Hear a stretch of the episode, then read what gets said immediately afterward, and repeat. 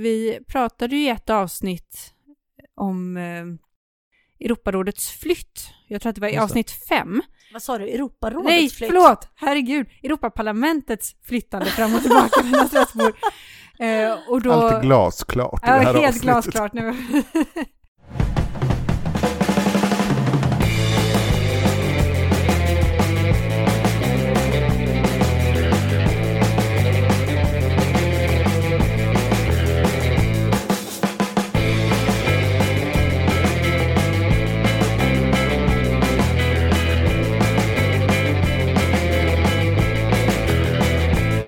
Hej och välkomna till Euforipodden. Ett nytt avsnitt och det här är ett avsnitt som jag har sett fram emot. Jag sitter här i vanlig ordning med Caroline, Helena och Björn. Hej! Hej, Hallå, hallå Hej Marco. Marco! Det här är ett ämne som är väldigt spännande. Rådet, rådet och rådet. Hur många råd finns det? Caroline? Ja, alltså, det, det, många eh, Ja. är svaret på den frågan. Lagom många eller för många? Jag skulle nog säga för många. Vi hade kanske kunnat använda lite andra ord för vissa Alltså saker. det känns som total brist på fantasi. Ja, faktiskt. Okej, Mm. ska du eh, ta det här från början och förklara? Vad är missförstånden och vad... Ja, och det här blir då ett rent faktaavsnitt kan vi faktiskt kalla det. Eh, Jag tycker att det här är viktigt därför att det, är, det snackas väldigt mycket om de här olika råden. De blandas ihop och när det blandas ihop så är det av journalister blandas de ihop. Eh, Jag märkte när jag skrev ner lite grann om vad jag skulle säga nu att jag hade skrivit fel på ett ställe också. Eh, Så det är inte helt lätt och helt okej att göra fel kan man väl säga. Ja, Men Helt okej att rätta oss på Instagram efter det här avsnittet. absolut. Det också. Ja, eh, rådet, rådet och rådet kallar vi det här avsnittet helt enkelt. Vilka Ja. är alla dessa råd? Här kommer råd. Ah, från Göteborgen. Jag älskar att göteborgaren fick det här avsnittet. Men jag skulle kanske vilja tipsa också om att lyssna på avsnitt eh, fyra av Euforipodden som är EU for Dummies. Där går vi igenom EUs eh, tre viktigaste institutioner varav en av dem kallas för just rådet. Just det. Och i det här avsnittet så går vi lite djupare in på rådet eh, och vi ska reda ut skillnaden då på ministerrådet, Europeiska rådet och Europarådet. Och så låter det ju nästan, alltså det är inte bara att det är rådet i alla tre, utan det låter ju också typ som samma sak. Europeiska och Europaråd, alltså kom Ja. igen. Ja, och det låter likadant på engelska. Vi kan lyssna på ett litet klipp här. Welcome to the Council of the European Union, also known as the Council of Ministers or simply as the Council, and definitely not to be confused with the European Council or the Council of Europe. Confused yet? Well, so is everybody else. Alltså det blir ju inte ett dugg tydligare. Total förvirring. Ja, men eh, den ska vi råda bot på. Har det inspelat med en viss ironi det där? Eller var Nej, det nej, det är, det är precis som det här avsnittet, så det är där en faktaavsnitt där Ja, han ja. faktiskt ska reda ut de olika skillnaderna. Men jag tar det här på svenska istället. Då skulle jag vilja börja med Europarådet. Och genast blir det lite märkligt därför att Europarådet har ingenting med EU att göra. Okej. Okej. Bara men- lite grann. Nu börjar vi förvirra Ja. igen. Eh, Europarådet bildades 1949 i sviterna av andra världskriget och man kan säga att det blev lite grann som ett europeiskt FN som skulle säkerställa samarbete på den krigssargade europeiska kontinenten. Och dess- grundare såg framför sig då ett fredligt Europa baserat på mänskliga rättigheter, demokrati och rättsstatens principer och det är det här som är vägledande för Europarådets arbete. Och den stora skillnaden till att man kan särskilja det från EU är att Europarådet har hur många medlemsstater, vet ni? 48? 47? 47 är korrekt. Mhm. Alla, alla EU-länder är med i, i Europarådet. Och utöver EU-länderna då så är det ytterligare 20 länder, däribland hittar vi Ryssland, Turkiet, Georgien, Armenien, Azerbajdzjan, Ukraina. Det finns faktiskt bara ett land på den europeiska geografiska kontinenten som inte är med. Vet ni vilket? Jag vet. Varsågod, varsågod Björn. Belarus. Men är Eller typ Vatikanstaten med också? Och de har någon observatörsstatus. Precis, som observatörer. Aha. San Marino också. Mm. Arbetet i Europarådet grundar sig på Europakonventionen om de mänskliga rättigheterna och det har alla medlemsstater i Europarådet skrivit under. Även Azerbajdzjan och Turkiet. Ja. Ja. Eh, Den har sitt säte i Strasbourg och vi pratade ju i ett avsnitt om eh, Europarådets flytt. Jag tror att det var i avsnitt fem. Vad sa du? Europarådets Nej, flytt? förlåt! Herregud! Europaparlamentets flyttande fram och tillbaka mellan Strasbourg. Eh, och då... Allt är glasklart i det här helt avsnittet. glasklart nu. I avsnitt fem i alla fall pratar vi om Europaparlamentets komplicerade boendesituation och hur det kom sig att de började flytta till Strasbourg. Och det var ju då för att de fick låna en plenisal där och den lånade de av Europarådet som vi nu pratar om. Europadomstolen är kopplad till Europarådet och den domstolen prövar då överträdelse mot Europakonventionen om de mänskliga rättigheterna. Eh, Och där finns ju vissa länder som ofta får mycket stryk. Just vilka det är?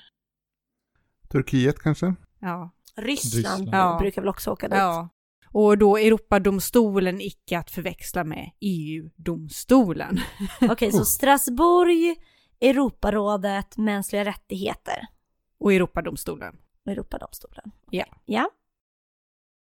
Och Europarådet antog då redan 1955 en flagga som var blå med 12 gula stjärnor som en symbol för Europa. Och sen så var det ju någon annan organisation som snappade upp den här. Eh, Ah, gud.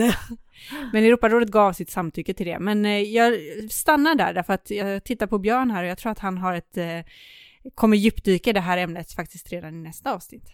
Precis. Mm. Så det här är alltså då Europarådet. Eh, Då har vi rätt ut ett av råden. Är det någonting mer ni vill tillägga om just Europarådet? Det är lite som ett europeiskt FN på något sätt kan man säga. Ja, har du lyssnat på vad jag sa Björn? Jag inledde ju med att säga att det var det. Det är säkert därifrån jag har fått det. Ja, det måste vara så. ja. Om vi lämnar Europarådet och Strasbourg därhän då så går vi tillbaka till EU och reder ut EUs olika råd. Och då var jag inne på att vi pratar om de tre stora institutionerna, då pratar vi om kommissionen, Europaparlamentet och rådet. Men ibland så säger man ministerrådet och ibland säger man Europeiska rådet. Är det samma sak? Nej. Ja, ja skulle jag vilja säga. Ja, vadå ja? Ja. Nej men ja på det sättet att eh, EUs råd alltid representeras av medlemsstaterna fast på lite olika nivåer. Just det. Eh, och egentligen när vi pratade om det rådet vi hänvisar till när vi pratar om de tre institutionerna, då pratar vi om Europeiska unionens råd eller ministerrådet. Och det är det som lite slarvigt då kallas för rådet. Och det är också i det här rådet då som man cirkulerar ordförandeskap mellan medlemsländerna varje halvår. Så just nu så är det Tyskland som innehar det under hösten 2020. Sverige har ju inte så långt kvar till sitt ordförandeskap. Nej, Vet ni när? 2023, det är ju tre år. Precis. På våren. På våren, så två och ett halvt år kvar bara. Mm. Okej. I ministerrådet, rådet då, så sammanträder representanter för medlemsstaterna. Men där kan man ses på lite olika nivåer. Man kan börja förhandla på expertnivå, till exempel med representanter från myndigheter och departement och sen ju längre förhandlingarna går så blir det mer seniora representanter som ambassadörer och slutligen ministrarna som träffas. Och det är ministrarna som beslutar för rådets räkning i alla lagstiftningsärenden. Och vi har gått igenom det här också i ett avsnitt som handlar om EUs lagstiftningsprocess. Så ministrarna är högsta nivån i ministerrådet, Ja, inte statsministrarna. inte statsministrarna. Men det för oss osökt in på nästa råd som då heter Europeiska rådet. Och där samlas EUs stats och regeringschefer. Så vi Mm. kallar dem för ett Ministerrådet är där lagstiftningsakterna hanteras med högsta nivå ministerrådet. Och sen så har rådet då en särskild överbyggnad som heter Europeiska rådet med stats och regeringschefer. Eh. Och Europeiska rådet lagstiftar inte, men de drar upp de, mycket av de stora riktlinjerna och där hamnar många av de svåra frågorna som man behöver diskutera för att komma framåt. Till exempel så har Europeiska rådet haft otaliga möten om, om Brexit, om flyktingkris, om budget, om coronapandemin. Just det. Och det är de man ser på tv, man ser ju sällan ministerrådet på tv. Precis. Nej, och när man pratar om toppmöten så är det ofta Europeiska rådet och stats och regeringscheferna som eh, samlas. Och vi var ju inne på att i ministerrådet så har man det här roterande ordförandeskapet mellan länderna. Ja. Och det har man inte i Europeiska rådet, utan då väljer man en ordförande på fem år. Och just nu så är det belgaren Charles Michel som är ordförande. Vi kan höra hur han låter efter ett möte i Europeiska rådet. We did it. Europe is strong. Europe is united. We have reached a deal on the recovery package and the European budget. These were, of course, difficult negotiations in very difficult times for all Europeans. Men man hör ju nästan aldrig talas om den här Charles Michel. Alltså, är han så betydelsefull? Vad sysslar han med egentligen? Ja, han är ordförande för Europeiska rådet. Det är det han som har som uppdrag att samla att samla stats och regeringscheferna och komma, komma överens om saker och Ja, ting men helt enkelt. bestämmer han egentligen någonting? Alltså, Han har ju en väldig medlarroll skulle jag säga. Och blir ju den som får ytterst representera eh, medlemsstat. Men här kan det ju ibland också, det beror lite på skulle jag säga vilket ordförandeskap det är i ministerrådet också. Så nu när det är Tyskland, då tar ju verkligen Angela Merkel på sig ledartröjan för medlemsstaterna. Men när det är lite andra svagare ordförandeskap så kanske det är viktigare att den som är ordförande i Europeiska rådet kliver fram eh, och förhandlar. Så ja, men Men är han inte också alltid med när de här stora, viktiga stats och regeringscheferna träffas, de europeiska, även om de träffas lite vid sidan av, så brukar han finnas med i rummet ibland ja. Och, eh, ha, ibland får han och- komma in och- i rummet. ja, men det blir lite så. Och, men In han sätter room. väl också agendan för mötena, tänker jag mig, och, och skriver ihop slutsatserna de kommer fram till och sådär. Så att han har väl den typen av makt. En lite mer informell makt. Ja, det skulle man nog kunna säga. Och framförallt den här liksom då medlarrollen, att se till att det här faktiskt går ihop och sätta lite press på Mm. de andra om att komma framåt. Ja, det har ni fått råd nu? Känner ni er eh, Var det på alla det klara med? Det var de råden vi tänkte gå igenom den här gången. Eh, Men om, det, så att om man säger Europa, då är det mänskliga rättigheter. Om man säger europeiska, då är det EU. Hade ni inte bara kunnat kalla det EU-rådet istället? Hade inte det varit så mycket lättare? Mm. Jo, det hade nog varit lättare. Och den, den stora frågan är också varför har man inte gjort det tydligare? Valt liksom olika namn eller symboler som man inte ska blanda ihop alla de här råden. Därför att Europahymnen eh, används ju både av Europarådet och av EU och flaggan som vi var inne på är samma så, och allting heter råd. Varför, varför gjorde man på det här sättet?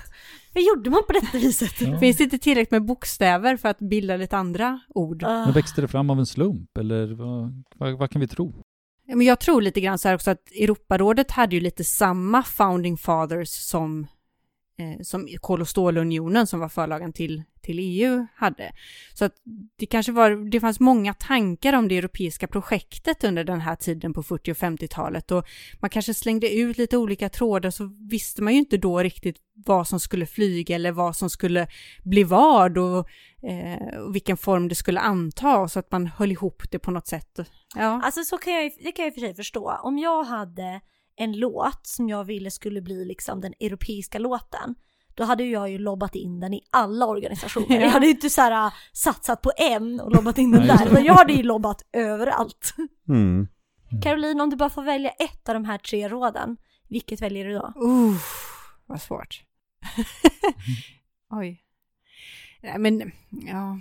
Vilket har mest makt då? Det måste ju vara Europeiska rådet. Både ja och nej, därför att det är ju minister, det är ändå ministerrådet som är med och lagstiftar. Men politisk makt på den europeiska kontinenten, ja då säger jag nog ändå Europeiska rådet.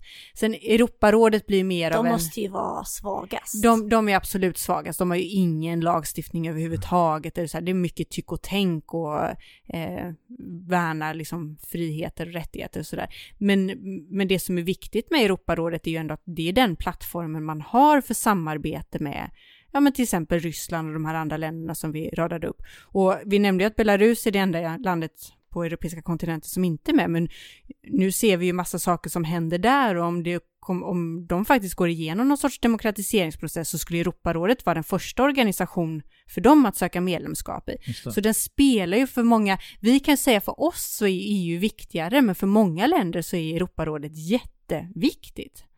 Just det. Marco, vilket råd skulle du välja då? Ja, jag måste välja det lagstiftande ministerrådet. Mm. Jag känner att det, Jag tänker ändå att Europeiska rådet har ju ingen lag, lagstiftningsmakt formellt, men skulle de komma överens om att man vill ha en typ av rättsakt så kommer ju inte ministerrådet att säga emot dem. Nej. Eller? Nej, nej. så är det. Mm. Det är där de stora besluten fattas och inriktningarna för, ja, men som vi var inne på Brexit till exempel. Nu sitter ju Helena och väntar på att få frågan till sig själv. Vilket råd skulle du välja Helena? Jag tycker också mest om ministerrådet. Där händer det saker på riktigt. Det är så mycket fluff i de andra råden. Ministerrådet, det är action. Det är bara för att du spelade dem i ett annat avsnitt. Jag spelade dem för att de är bäst. Hallå, kausalitet. Men om vi ska knyta ihop det här så kan vi ju inte lämna Europarådet utan att någon tycker att det är det bästa. Nej, men jag sa ju att ändå att de, de spelar en väldigt viktig funktion för de länderna i Europa som inte är med i E EU. Ja, du valde bra. ju aldrig något råd. Du gav Nej, jag- politikersvar. Jag gav ett politikersvar och lämnade det öppet, för jag tycker så mycket om alla Vi råden. får fråga ljudtekniker. Men då, då Och säger... jag började ju min eh, EU-karriär i Europarådet. Eller min europeiska karriär i Europarådet. Jag gjorde praktik på svenska representationen till Europarådet. Aha. Mm. Så de har en liten plats i ditt hjärta. Det har de absolut. Men Då känns det ju jättebra att vi kan avrunda den, den, det här avsnittet och alla råden ändå på något sätt nämnda och omtyckta. Ja. Och favorit hos någon. ja. Ja. Det här blev i alla fall klarare. Hoppas jag för folk där ute. För mig blev det jättemycket klarare. Det var dagens eh, råd och dåd. Mm. Ja, och som sagt, det, vi förstår om man blandar ihop. Det är okej. Om vi nu snabbt ska summera de här råden och göra det tydligt för alla. Bena ut det kort. Europarådet, 47 medlemsstater, arbetar med demokrati och rättsstatens principer, ligger i Strasbourg. Sen har vi EUs råd, då har vi ministerrådet som lagstiftar och vi har Europeiska rådet där stats och regeringscheferna från EU sitter och drar upp de stora riktlinjerna för EU-samarbetet. Glasklart. Toppen. Det var råd och dåd. Ja, tack så jättemycket Caroline. Det här var jätteintressant. Och eh, nu har ju du redan sagt vad nästa avsnitt ska handla om. Ja, det har jag faktiskt. Mm. Mm. EU-flaggan. Det ser vi också fram emot att få lyssna på. Så tills dess, ha det så bra. Mm. Hej då! Hej då!